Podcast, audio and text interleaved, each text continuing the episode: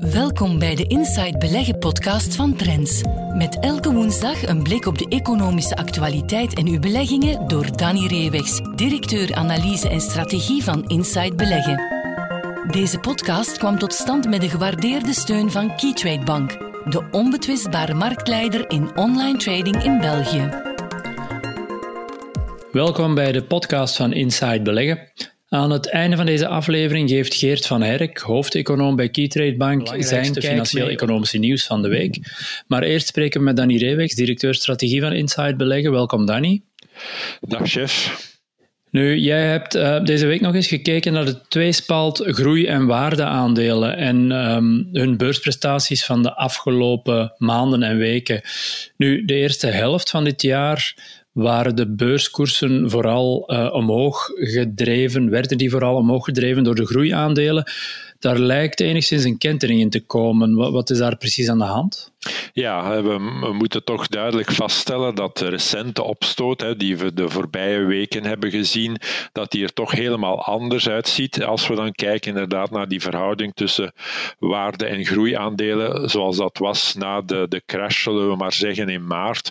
Toen kregen we vanaf april tot, uh, tot na de zomer eigenlijk toch wel een absolute dominantie eh, van de groeiaandelen ten opzichte van de waardeaandelen. Nu, dat is een fenomeen dat we al tien jaar zien, maar nu is het toch, uh, in die voorbije maanden was dat toch echt heel extreem geworden. Nu, er zat daar wel een economische logica achter, in die zin dat eigenlijk de, de grote techgiganten, die groeiwaarden, dat die vooral profiteerden van de COVID-19-pandemie in de in de zin hè, dat we meer waren gaan thuiszitten, gaan thuiswerken en dus dat er meer nood was aan clouddiensten aan IT-beveiliging en dat we ook meer zijn gaan gamen, hè, dat de e-commerce een spectaculaire extra boost kreeg en dat is allemaal in het voordeel van techgiganten zoals een Amazon, zoals een Microsoft, uh, zoals uh, andere bedrijven die, die we daar kennen. En, en, aan de andere kant die klassieke uh, bedrijven die daar toch wel heel veel last uh, ondervonden van, de, van het coronavirus. Winkels gingen uh, dicht, mm. horeca ging dicht, evenementen konden niet meer doorgaan. Dus al die bedrijven zagen hun omzet en hun winst heel sterk terugvallen. En logisch dat daar dan een, een negatieve reactie was op de beurs, terwijl dus die techgiganten heel snel al, want in, initieel zakte die wel mee, maar die gingen heel snel terug naar nieuwe records. En, en weken en maanden aan de stuk zagen we altijd maar nieuwe records, zodat het verschil in prestatie tussen uh, de Nasdaq-index, waar al die technologiebedrijven verzameld zijn, en de Dow Jones, hè, de, de typische index van de klassieke industriële waarden, dat die opliep tot 30% in enkele mm maanden tijd. En als we keken en gingen vergelijken met Europese was dat zelfs soms 40%. Wel ja, dat op zes maanden tijd, dat hebben we eigenlijk nooit eerder in die omvang gezien in de geschiedenis. Dus dat was duidelijk een absolute dominantie van uh, de techbedrijven, van de groeiaandelen. Wel nu, de voorbije twee weken zien we toch een ander profiel, een ander patroon. Hier zijn het nu de klassieke waarden die de kop nemen in de stijgingen, die spectaculair uh, zijn gaan uh, klimmen terwijl de techbedrijven eigenlijk achterblijven. Dus de voorbije twee weken hebben we toch gezien dat de Dow Jones-index 4-5% beter presteert dan de, dan de Nasdaq-index. En ook hier is de verklaring logisch. Hè. Al dat goed nieuws rond die vaccins, dat die goed gaan werken, dat geeft het perspectief aan die klassieke bedrijven dat we gaan naar een normalisering van de economie ergens in de loop van 2021 wellicht. Um, en dat geeft hen natuurlijk hoop op betere bedrijfsresultaten, terwijl die techgiganten ja, een stukje van die supplementaire groei zullen wellicht zien wegvallen in 2021. Bovendien moeten zij gaan vergelijken hun resultaten dan met die supergoeie resultaten van 2020. Dus voor hen ligt de lat veel hoger dan voor klassieke bedrijven als het op uh, bedrijfsresultaat aankwam. Dus de kans dat we hier een voorbode gekregen hebben van een patroon uit 2021, waarbij de oude economie het niet slechter doet dan de nieuwe economie, lijkt toch wel uh, duidelijk te zijn. Ja, ja. ja, je spreekt van het perspectief dat die vaccins en, en andere behandelingen bieden. Ehm, dit is natuurlijk allemaal onder voorwaarden dat dat ehm, effectief ook zo zal zijn. Het is een beetje een voorbode op en het is nog wachten of het er werkelijk van zal komen dat die klassieke waardeaandelen zullen kunnen profiteren van een werkend vaccin. Ja, natuurlijk. Hè. Dat is natuurlijk belangrijk, hè, hoe, uh, dat het heel werkzaam is. En vooral ook dat mensen daar willen in participeren. Hè, dus dat die economie echt volledig terug open kan gaan, terug kan gaan, uh, gaan normaliseren. En dat is de, ja, inderdaad wel, wel de essentie. Maar dan kunnen ze daar natuurlijk wel op inpikken.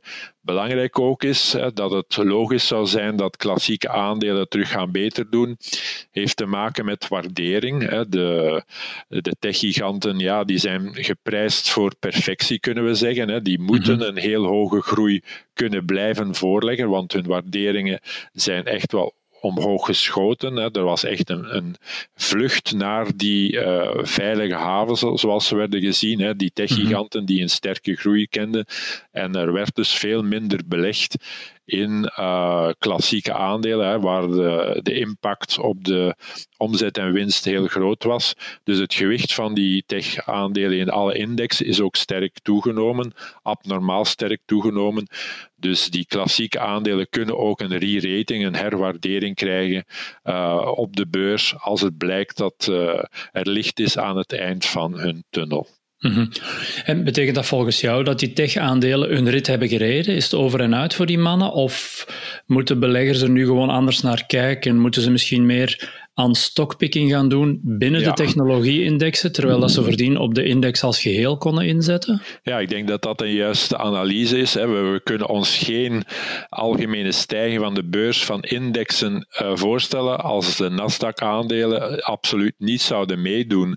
Dat is, uh, Er zijn nog altijd belangrijke uh, troeven die ze hebben. Hè. De, e-commerce dat gaat zich verder doortrekken. Het tempo zal misschien terug wat vertraging al, vertragen als de economie gaat normaliseren. We gaan meer moeten investeren in IT-beveiliging. Eh, dat soort zaken, dat zijn blijvers voor de komende jaren. Artificiële intelligentie zal zich verder ontwikkelen. Clouds gaat zich verder ontwikkelen. Dus uh, het is vooral te zien dat, uh, dat uw portefeuille niet noodzakelijk meer uh, heel veel tech-aandelen gaat moeten bevatten om in 2021 een goede prestatie te kunnen neerzetten. Die techbedrijven zullen wellicht ook nog wel in belangrijke mate kunnen deelnemen aan die beursstijging, maar ze zullen niet meer het leiderschap hebben, die dominantie hebben, zoals dat de voorbije, voorbije jaar eigenlijk is, is gebeurd. Dat is denk ik de grote trendwijziging die we kunnen zien in 2021. Ja, nu even uitzoomend. Wat vertelt dit alles ons over uh, het belang van sectorrotatie en sectordiversificatie? Hoe moeten beleggers daar naar kijken? En ja, wanneer weet je uh, welke sector interessant begint te worden? Uh, waar moet je dan naar kijken en, en, wat speelt er allemaal in mee? Ja, ik denk hè, dat we hier vooral moeten kijken naar die enorme waarderingsverschillen. Dus als die prestatie zo extreem was, dat heeft ook te maken met dat we, dat we zagen dat eh, de waarderingsverschillen tussen klassiek en technologie ook tot nooit gekende hoogte zijn gegaan. Een beetje ja, een abnormale uh, uh, verschil door mhm. een uitzonderlijk fenomeen zoals die COVID-19-pandemie. Dat is iets heel uitzonderlijk, heeft ook geleid tot heel uitzonderlijke verschillen in prestatie, heel uitzonderlijke verschillen in waardering. En ik denk dus dat dat eh, logisch is als je gaat naar een normalisering van de economie, dat je ook moet gaan naar een normalisering van die prestatieverschillen, naar een normalisering van die waarderingsverschillen. Dus ik denk dat dat belangrijk is om naar te kijken richting 2021 en dat er dus inderdaad bij investeerders ook gekeken wordt naar wat meer sectorrotatie. Dus als je uh, dat je echt wel klassieke waarden die een mooi herstel van omzet en winst kunnen realiseren volgend jaar, dat je dat moet toch wel in portefeuille hebben om ook volgend jaar als fondsbeheerder, uh, als belegger uh, toch een, goed, een zo goed mogelijk resultaat te maken op de beurs. Ja, oké. Mooi advies om, uh, om mee te nemen. Um, als aandeel van de week blijven we een beetje in dezelfde sfeer met de Chinese techgigant Alibaba. Misschien om eerst even te situeren, um, wat voor bedrijf is Alibaba precies? Wat doet het? Ja, dat is eigenlijk een fantastisch verhaal. Hè, dat vooral de voorbije decennium echt is uitgegroeid tot het verkoopplatform van China. Hè. Daarachter zit de nu al levende legende Jack Ma, hè, die zag ja, dat daar toch een absolute nood aan was, ook in China.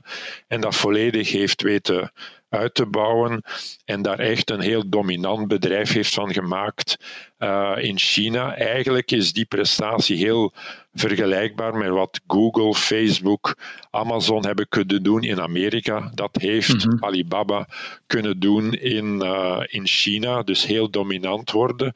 In heel wat activiteiten een marktaandeel hebben van, van 40, 50 procent. Echt wel een vrij dominante uh, speler zijn. En als je natuurlijk kan zeggen, hè, zoals zij eind september, dat je 881 miljoen actieve mobiele gebruikers hebt op je uh, marktplaats, ja, dan heb je het echt wel gemaakt. Ja. Alibaba is uitgegroeid uh, en met een beurswaarde van 700 miljard dollar uh, genoteerd op de, Amerikaanse, op de Amerikaanse beurs. Ja, dan heb je het echt wel fantastisch goed gedaan. Met groeicijfers die soms 40, 50 procent op jaarbasis waren. Vandaag de dag zitten we nog altijd aan 30 procent groei. Dus dat is en blijft een fenomenaal verhaal. Ja, en het is recent ook in het nieuws gekomen uh, via een potentiële beursgang van, van een van de dochterondernemingen, Ant, of ANT, ik weet eigenlijk niet hoe je het uitspreekt. Ja. Uh, dat zou naar de beurs komen, maar is toch niet doorgegaan. Wat is daar misgelopen? Ja, dat moest eigenlijk de grootste IPO, de grootste beursgang worden ooit, hè, op, de, op de beurs van, van Shanghai.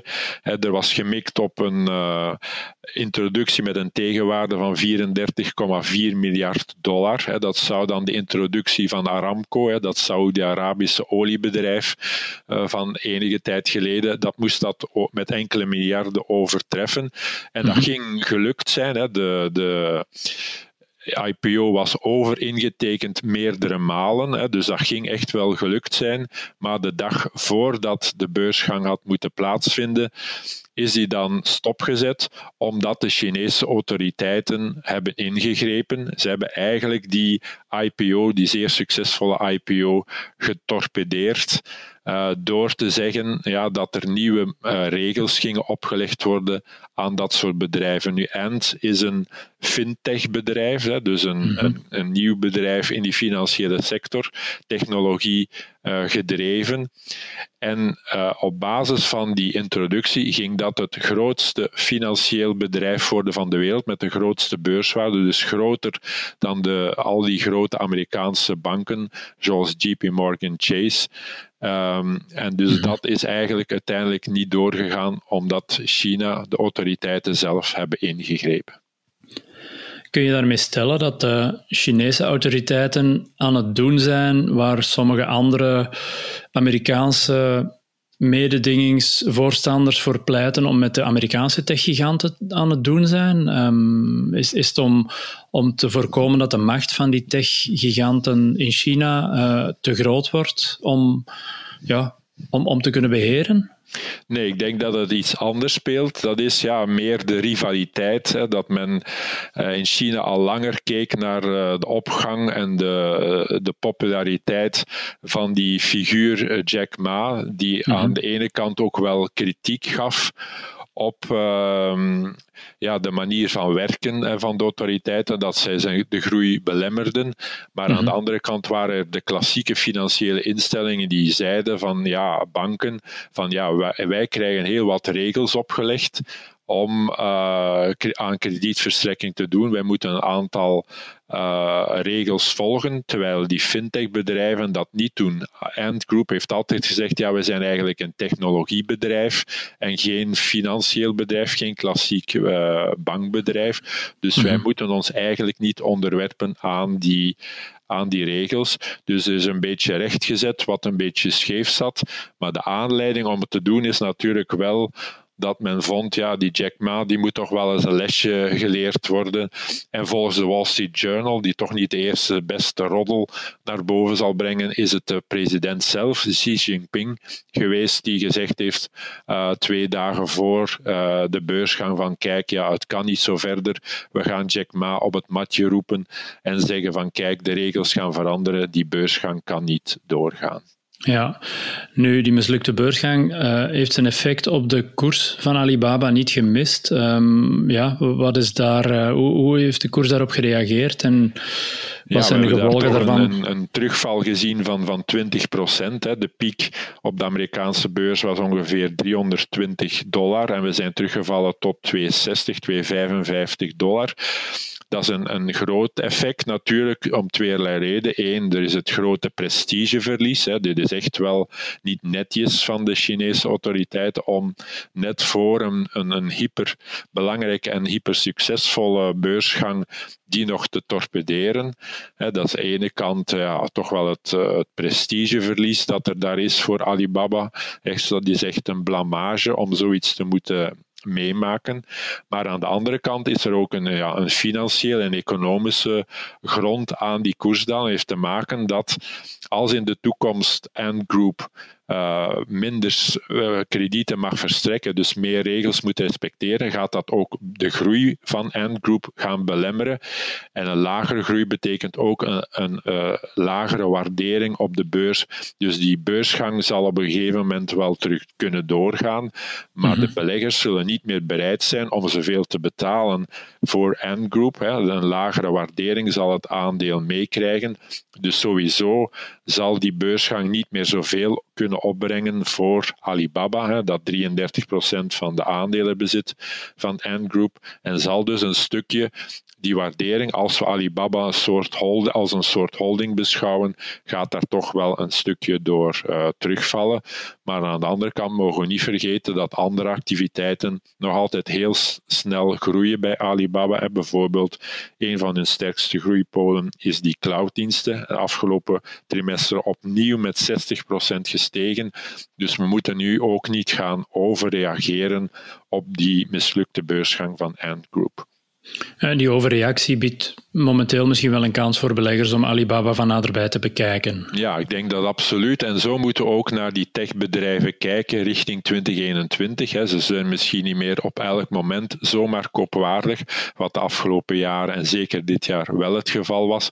Nu moeten we denk ik wel iets kritischer zijn, maar als er een keer een slecht nieuws is, als er een keer een kwartaalrapport komt dat onder de verwachting is, of zoals bij Ant Group, dat er een keer iets tegenvalt, uh, dan en de beurskoers krijgt wel eens een correctie, een terugval, ja, dan is dat misschien wel het moment om daarop in te spelen. Dus je moet wel die waarde wat meer opportunistisch gaan benaderen de komende tijd, maar wellicht bij Alibaba hebben we op dit moment zo'n situatie gecreëerd waar een terugval is die een opportuniteit biedt voor de beleggers. Ja, dat is nuttig advies om uh, mee te eindigen. Jij bent uh, heel hard bedankt voor jouw tijd en inzichten deze week en uh, graag tot volgende week. Tot volgende week. Tot later dag. We luisteren nu naar Geert van Herk, Chief Economist van Keytrade Bank, met zijn analyse op een aspect van de economische actualiteit. De beurzen kennen de afgelopen weken een spectaculaire opwaartse versnelling. Het goede nieuws over de ontwikkeling van een vaccin om het coronavirus in te dijken gaf aanleiding tot een koopwoede bij de beleggers. In tegenstelling tot eerdere beursstijgingen waren het deze keer niet de technologiewaarden die de hoogste voor hun rekening namen. We stellen bij de huidige stijging enkele opvallende rotaties vast. In deze podcast daarom een overzicht van de belangrijkste bewegingen van de afgelopen weken. Een eerste rotatie die we zagen was de outperformance van small caps ten opzichte van large caps. Small caps zijn aandelen met een kleinere beurskapitalisatie en uit historische cijfers blijkt dat ze het vaak beter doen dan de large cap aandelen. Large cap aandelen zijn de grote aandelen die in de belangrijkste gekende indices zitten. Onder impuls van de technologieaandelen was er de afgelopen tijd een duidelijk voordeel voor de large cap aandelen. Het businessmodel van de technologiebedrijven zorgde ervoor dat ze als winnaars uit de coronacrisis kwamen. Smallcap aandelen leden in de coronaperiode omdat het vaak bedrijven zijn die niet wereldwijd opereren en in specifieke niches aanwezig zijn. Hierdoor hadden ze meer te lijden onder de economische terugval in de eerste maanden van dit jaar. Maar nu de wereldeconomie weer op toerental begint te komen en de risicoappetijt onder de beleggers duidelijk terugkeert, zien we toonaangevende small cap indices zoals de Amerikaanse Russell 2000 beter presteren dan de S&P 500. We denken dat deze outperformance nog een tijdje kan aanhouden, omdat in de small cap indices veel cyclische waarden zitten. Deze vaak industriële waarden hebben nog heel wat inhaalpotentieel ten opzichte van de technologiewaarden. Een tweede rotatie die we vaststellen is deze van groeiaandelen naar waardeaandelen. Het is al een tijdje bekend dat de waardeaandelen, dit zijn aandelen die goedkoop noteren ten opzichte van hun fundamentals, het niet onder de markt hebben.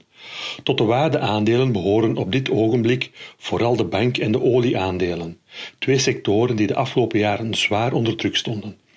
Maar een ommekeer werd de afgelopen weken ingezet, vooral door de financiële waarden die profiteerden van de stijging van de lange termijnrente. De lange termijnrente zit in de lift omdat het duidelijk is dat de wereldeconomie maand na maand beter wordt en er voor de komende jaren een sterke groei verwacht wordt. Een stijging van de lange termijnrente is een duidelijke bonus voor de bankaandelen, die in zo'n scenario profiteren van een steilere rentecurve. Een steilere rentecurve betekent dat het verschil tussen de korte en de lange termijnrente toeneemt, waardoor de interestmarge voor de banken breder wordt. Daarnaast zijn heel wat industriële aandelen goedkoop gewaardeerd en deze profiteren eveneens van het economisch herstel. Zolang dit herstel aanhoudt, kunnen de waardeaandelen het beter blijven doen dan de technologieaandelen. Een derde en laatste rotatie die we zagen is de opmars van de aandelen uit de groeilanden. Ook deze rotatie is geïnspireerd door het wereldwijde economisch herstel. Een herstel dat in de groeilanden zoals China en Zuid-Korea al ver verder staat dan in de westerse industrielanden. Daar komt nog bij dat vanuit regionaal standpunt de beurzen van de groeilanden een pak goedkoper noteren dan de westerse beurzen in het algemeen en de Amerikaanse beurs in het bijzonder. Dat maakt hen een interessante belegging voor de komende jaren. En het is zeker niet uit te sluiten dat deze regio de komende jaren de leidersrol van de Amerikaanse beurs gaat overnemen. Kortom, het is een interessante periode op de beurzen en onderuit zijn er toch enkele belangrijke verschuivingen bezig, die we in deze podcast belicht hebben. Het kan zijn dat we hier belangrijke kantelpunten meemaken die de komende jaren de portefeuilleprestaties significant zullen beïnvloeden. Bij Keytrade Bank hebben we in het discretionair vermogensbeheer alvast de blootstelling aan de groeimarkten verhoogd. Tot zover deze aflevering van de Inside Beleggen podcast. Meer tips, advies en analyses voor uw beleggingen leest u morgen in Trends. Volgende week zijn we er opnieuw. Deze podcast kwam tot stand met de gewaardeerde steun van Keytrade Bank, de onbetwistbare marktleider in online trading in België.